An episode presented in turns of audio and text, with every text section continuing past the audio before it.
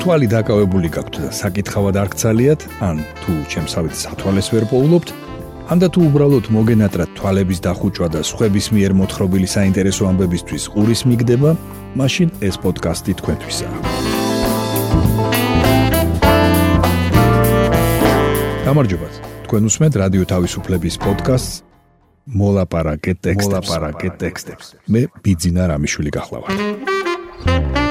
აქ მოქმედი პირები არიან ტექსტები, რომლებსაც რადიო თავისუფლების ვებსაიტზე ვარჩევ თქვენთვის კვირაში ერთხელ და მათ მოსათხრობ ამბებად ვაქცევ ხოლმე.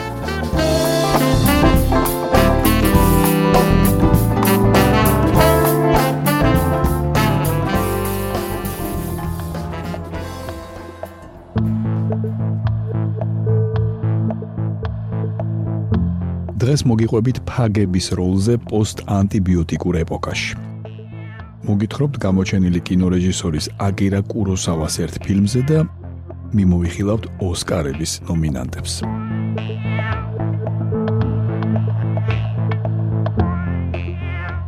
რეზისტენტული სამყარო ფაგების როლი პოსტ-ანტიბიოტიკურ ეპოქაში. ასე ეწოდება ანასტასია სლოვინსკაეს სტატიას, რომლითაც დავიწყებ დღევანდელ პოდკასტს.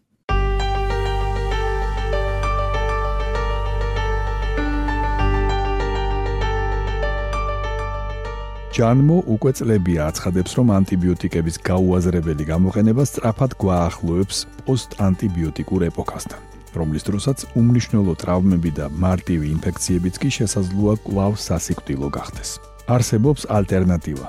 შეუძლიათ თუ არა ბაქტერიოფაგებს, რომელთა წარმოებაში საქართველოს ერთ-ერთი წამყვანი ადგილი უჭირავს, ანტიბიოტიკებს სრულფასოვანი კონკურენცია გაუწიონ. ყოველთვის იყო და დღესაც ძალიან აქტუალურია ახალ-ახალი თაობის ანტიმიკრობული პრეპარატების წარმოება. გვიხსნის მალვინა ჯავახაძე, თბილისის სახელმწიფო სამედიცინო უნივერსიტეტის პროფესორი, ვახტანგ ბოჭორიშვილის სახელობის კლინიკის ინფექციონისტი.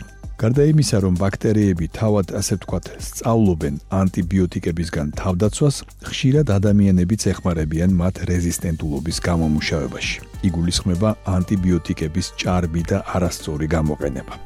ანტიბიოტიკებს არასწორად იყენებდნენ COVID-19-ის გავრცელების პირველ ეტაპზე. მალვინა ჯავახაძე ყვება, რომ ხშირად მათ დაავადების პირველსავე დღეს ნიშნავდნენ. ჯავახაძის თქმით, ეს რა თქმა უნდა პოსტ-ანტიბიოტიკური ეპოქის მოახლოებას დააჩქარებს. თუმცა პოსტ-ანტიბიოტიკური ეპოქის მოახლოება შეიძლება გადავადდეს. ერთი მხრივ ანტიბიოტიკების გონივრული მოხმარების შედეგად მეორე მხრივ კი ახალი პრეპარატების გამოგონებით. მაგრამ ახალ მედიკამენტებთან დაკავშირებით მომავალი არც თუ ისე სახარბიელოა. გიორგი ელიავას სახელობის ბაქტერიოფაგიის მიკრობიოლოგიისა და ვირუსოლოგიის ინსტიტუტში წლებია იკვლევენ და მოჰყავთ ბაქტერიოფაგები, რომლებიც ნაწილობრივ ანტიბიოტიკების ალტერნატივაა. ბაქტერიოფაგი არის ვირუსი, უფრო მარტივად რომ ვთქვათ, კარგი ვირუსი, რომელიც ეგრეთ წოდებული ცუდი ბაქტერიით იკვებება. ორგანიზმში მოხვედრისას ფაგი დაავადების გამომწვევ ბაქტერიას პოულობს. არღვევს მის გარს და შიგნით ათობით ახალ ფაგს წარმოქმნის. ბაქტერიის განადგურების შემდეგ ახალი ფაგები სხვა ცუდი ბაქტერიების მოსახელთებლად ორგანიზმში მოგზაურობას იწყებენ. ხოლო როდესაც მისია დასრულდება, ორგანიზმს ტოვებენ. პირველი, ვინც ბაქტერიოფაგების მეშვეობით ადამიანის განკურნება შეძლო, კანადელი მეცნიერი ფელიქს დერელი იყო. 1919 წელს მან 12 წლის ბავშვი დიზენტერიისგან მოარჩინა. ამ ამბიდან 2 წლის შემდეგ საფრანგეთში დერელი ქართველმა მიკრობიოლოგმა გიორგი ელიავამ გაიცნო.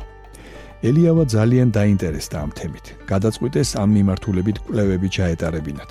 შემდეგ ელიავამ დერელი საქართველოში ჩამოიყვანა. თბილისში ბაქტერიოფაგების შესწავლისა და გამოყენების მსოფლიო ცენტრი უნდა შეექმნათ. აქედან დაიწყო ყველაფერი. 1923 წელს საქართველოსი ინსტიტუტი გაიხსნა. ყვება მზია ქუთათელაძე, დირექტორი ინსტიტუტისა, რომელიც დღეს გიორგი ელიავას სახელს ატარებს. თუმცა ყოველთვის ასე არ იყო. 30-იანი წლების ბოლოს ელიავა პოლიტიკური რეპრესიების მსხვერპლი გახდა. ის დახვრიტეს.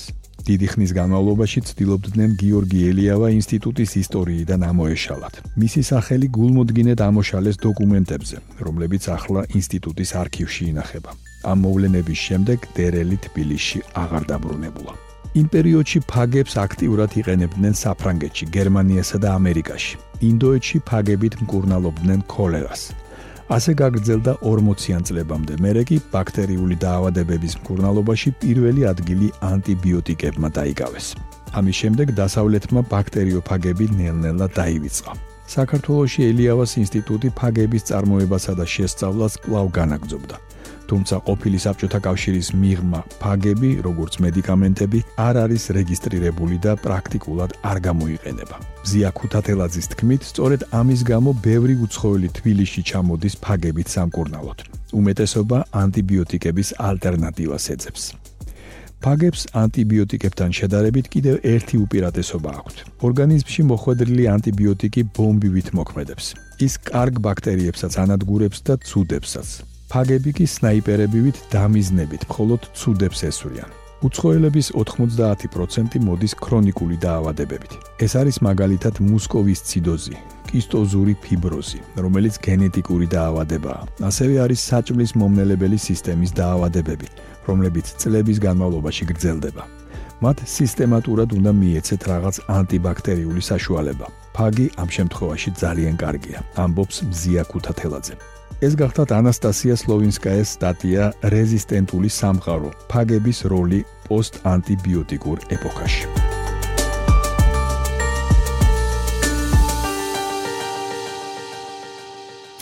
თქვენ უსმენთ პოდკასტს მოლაპარაკე ტექსტებს. პოდკასტის შემდეგი ტექსტი კინოს ეხება. მოგითხრობთ იმას თუ როგორ მოგვითხრობს ჩემი კოლეგა გიორგი ვახარია გამოჩენილი იაპონელი კინორეჟისორის აკირა კუროსავას ერთ ფილმზე. სტატიის სათაურია რაც მდიდარ მამას უნდა.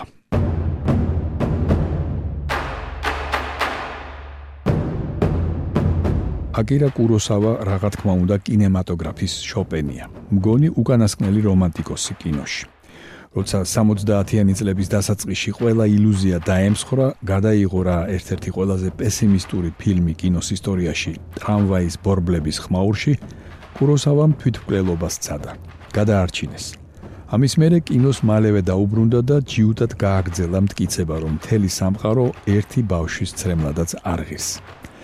კუროსავა შეიძლება ითქვას ფიზიოლოგიურ დონეზე განიცდიდა უთანასწორობას ამ პლანეტაზე. რომელ ჟანრშიც არ უნდა ემუშავა, რომელი ეპოქაც არ უნდა აღედგინა, კუროსავა აგრძელებდა სიმართლის დამკვიდრებას ეკრანზე. ამტკიცებდა, რომ სიმართლე არ შეიძლება იყოს ბევრი, რომ სიმართლე ერთია და ის ყველასთვის ერთნაირად უნდა იყოს სიმართლე. ასე რომ, რასემონი შემთხვევით არ ითვლება კუროსავას პირველ შედევრად. სწორედ ამ სურათით დაიწყო რეჟისორმა დავა საკუთარ თავთან. სწორედ ამ სურათში იკითხა პირველად, როგორ მივაგნოთ ჭეშმარიტებას იქ, სადაც ადამიანები მხოლოდ ხედვის საკუთარი კუთხიდან მსჯელობენ. როგორ დავთმოთ პირადი იმისთვის, რომ დროებით მაინც გავემიჯნოთ ცვალებად, არასაიმედო ამ ფხვიერ რეალობას. კუროსავამ თავისი ენა შექმნა, იმდენად ინდივიდუალური, რომ მას ყველგან იცნობთ, მისი ფილმების აბსოლუტურად ყველა კადრში. მაღლა და დაბლა, კუროსავას ყველაზე უცნაურ ფილმად ითვლება. ამ ჟანრში მას არასოდეს უმუშავია. არადა დღეს აშკარაა მაღალი და დაბალი ერთ-ერთი საუკეთესო სოციალური თრილერია კინოს ისტორიაში. ბატონ გონდოს ფეხსაცმლის ფაბრიკის ერთ-ერთ მფლობელს, რომლის როლს გენიალური ტოსირო მიფუნე ასრულებს, ურეკავს ქურდი და შვილის განთავისუფლებისთვის 30 მილიონ იენს თხოვს. ცოტა ხანში ირკვევა რომ ყაჩაღი შეცდა. მან არა გონდოს შვილი არამედ მისი მძღოლის შვილი გაიტაცა. აქამდე გონდო მზად იყო გადაეხადა ფული შვილის გადასარჩენად. მაგრამ როგორც კი იგებს რომ საქმე ხვის შვილს ეხება გადაიფიქრებს. გაკოტრების შეეშინდება. ასე შემოვა ფილმში აკირა კუროსავას საყვარელი თემა საკუთრება ამ შემთხვევაში გაორმაგებული სახით გონდო ცდილობდა გადაერშინა თავისი შვილი და თავისი ქონება და ის რაც ადამიანს არ ეკუთვნის. შეიძლება თუ არა ადამიანის ხვისი შვილის გადარჩენისთვის ისევე იბრძოდეს, როგორც საკუთარი შვილის სიცოცხლისთვის იბრძოლებდა. კუროსავას ფილმში ყველაზე სერიოზულ გადაწყვეტილებებს პოლიციელები დამოუკიდებლად იღებენ. ისეთი შტაბეჭდილება რჩება, რომ ამ ქვეყანაში სასამართლო საერთოდ არ ფუნქციონირებს, მაგრამ როგორ უნდა ახსნათ პოლიციის ასეთი თავგასულობა? ვინ ათამამებს ასე წესრიგის დამცველებს? პასუხი შემზარავია, ვინდა თავად საზოგადოება. დიახ, სწორედ საზოგადოება ცხოვრობს მორალით, რომელიც ფილმის პრემიერიდან ზუსტად 10 წლის შემდეგ თვითმკვლელობამდე მიიყვანს აკირა კუროსავას. პოლიციის ინსპექტორი ფილმში ამბობს, რომ ფაბრიკის მფლობელის ქონებრივი ზიანი უფრო დიდი დანაშაულია, ვიდრე დანაშაულის თანამონაწილეების დახოცვა. უცნაურია, მაგრამ მის მოსაზრებას ფაქტობრივად ეთანხმება მედია, ეთანხმება საზოგადოება. ამ ადამიანების ცხოვრების იდეალი საკუთრებაა, რომელიც საზოგადოებრივმა წესრიგმა უნდა დაიცვას. ყველა, ვინც უკვე ჩამოყალიბებულ მოწესრიგებულ სისტემას შეეწინააღმდეგება, აუცილებლად დაისჯება კანონის ძალით. ამაში ხელისუფლებას და ძალოვნებს ხალხიც მხარს დაუჭერს. კომფორტი და სიმშვიდე ყველას უყვარს. სისტემა არადა არ ინგრევა. ისა, რაც მდიდარს უნდა, ისა, რაც მამას უნდა. მხოლოდ და მხოლოდ რომანტიკოსებს შეიძლება სჯეროდეთ, რომ რამეს შეცვლიან ამ სისტემაში. თუნდაც იმის აღიარებით, რომ ისევ არაფერი შეცვლილა. წერს გიორგი გვახარია სტატიაში რაც მდიდარ მამას უნდა. თქვენ უსმენთ პოდკასტს მოლაპარაკე ტექსტებს. და რადგან კინოზე გქონდა საუბარი, ბარემ შემოგთავაზებთ ერთ სტატიას, რომელშიც ამერიკის კინოაკადემიის წლევანდელ ნომინანტებზეა ლაპარაკი.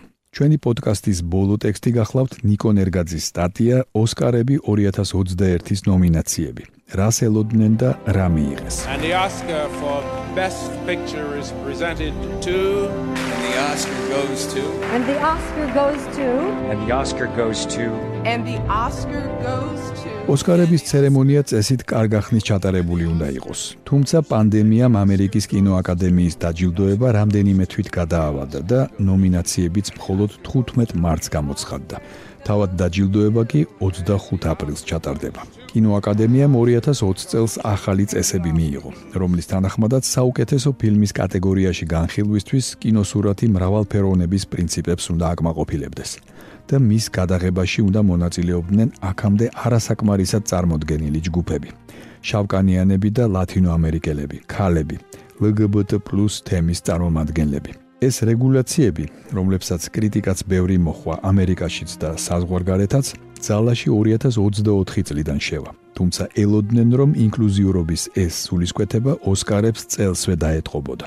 აქამდე ოსკარების ისტორიაში სულ 5 ქალი იყო წარმოდგენილი საუკეთესო რეჟისორის ნომინაციაზე.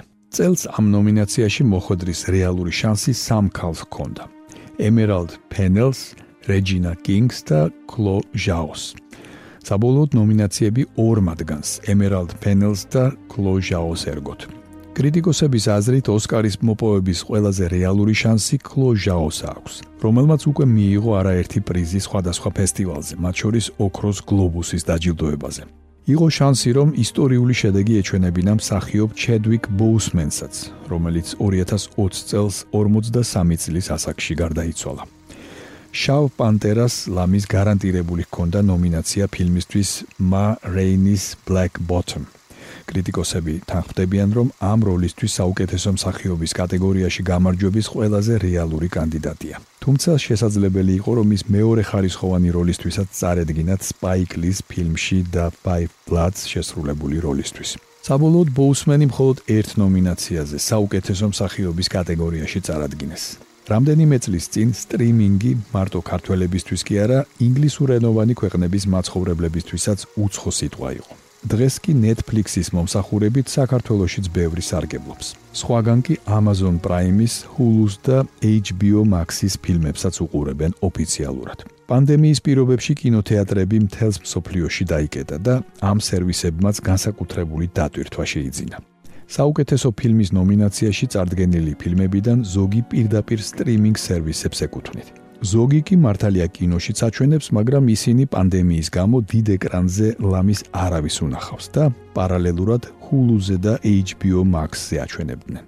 ეს იყო ნიკო ნერგაძის სტატია ოსკარები 2021-ის ნომინაციები. რას ელოდნენ და რა მიიღეს? სტატიას ბოლოს ერთვის ოსკარების ყველა კატეგორიის ნომინანტების სია.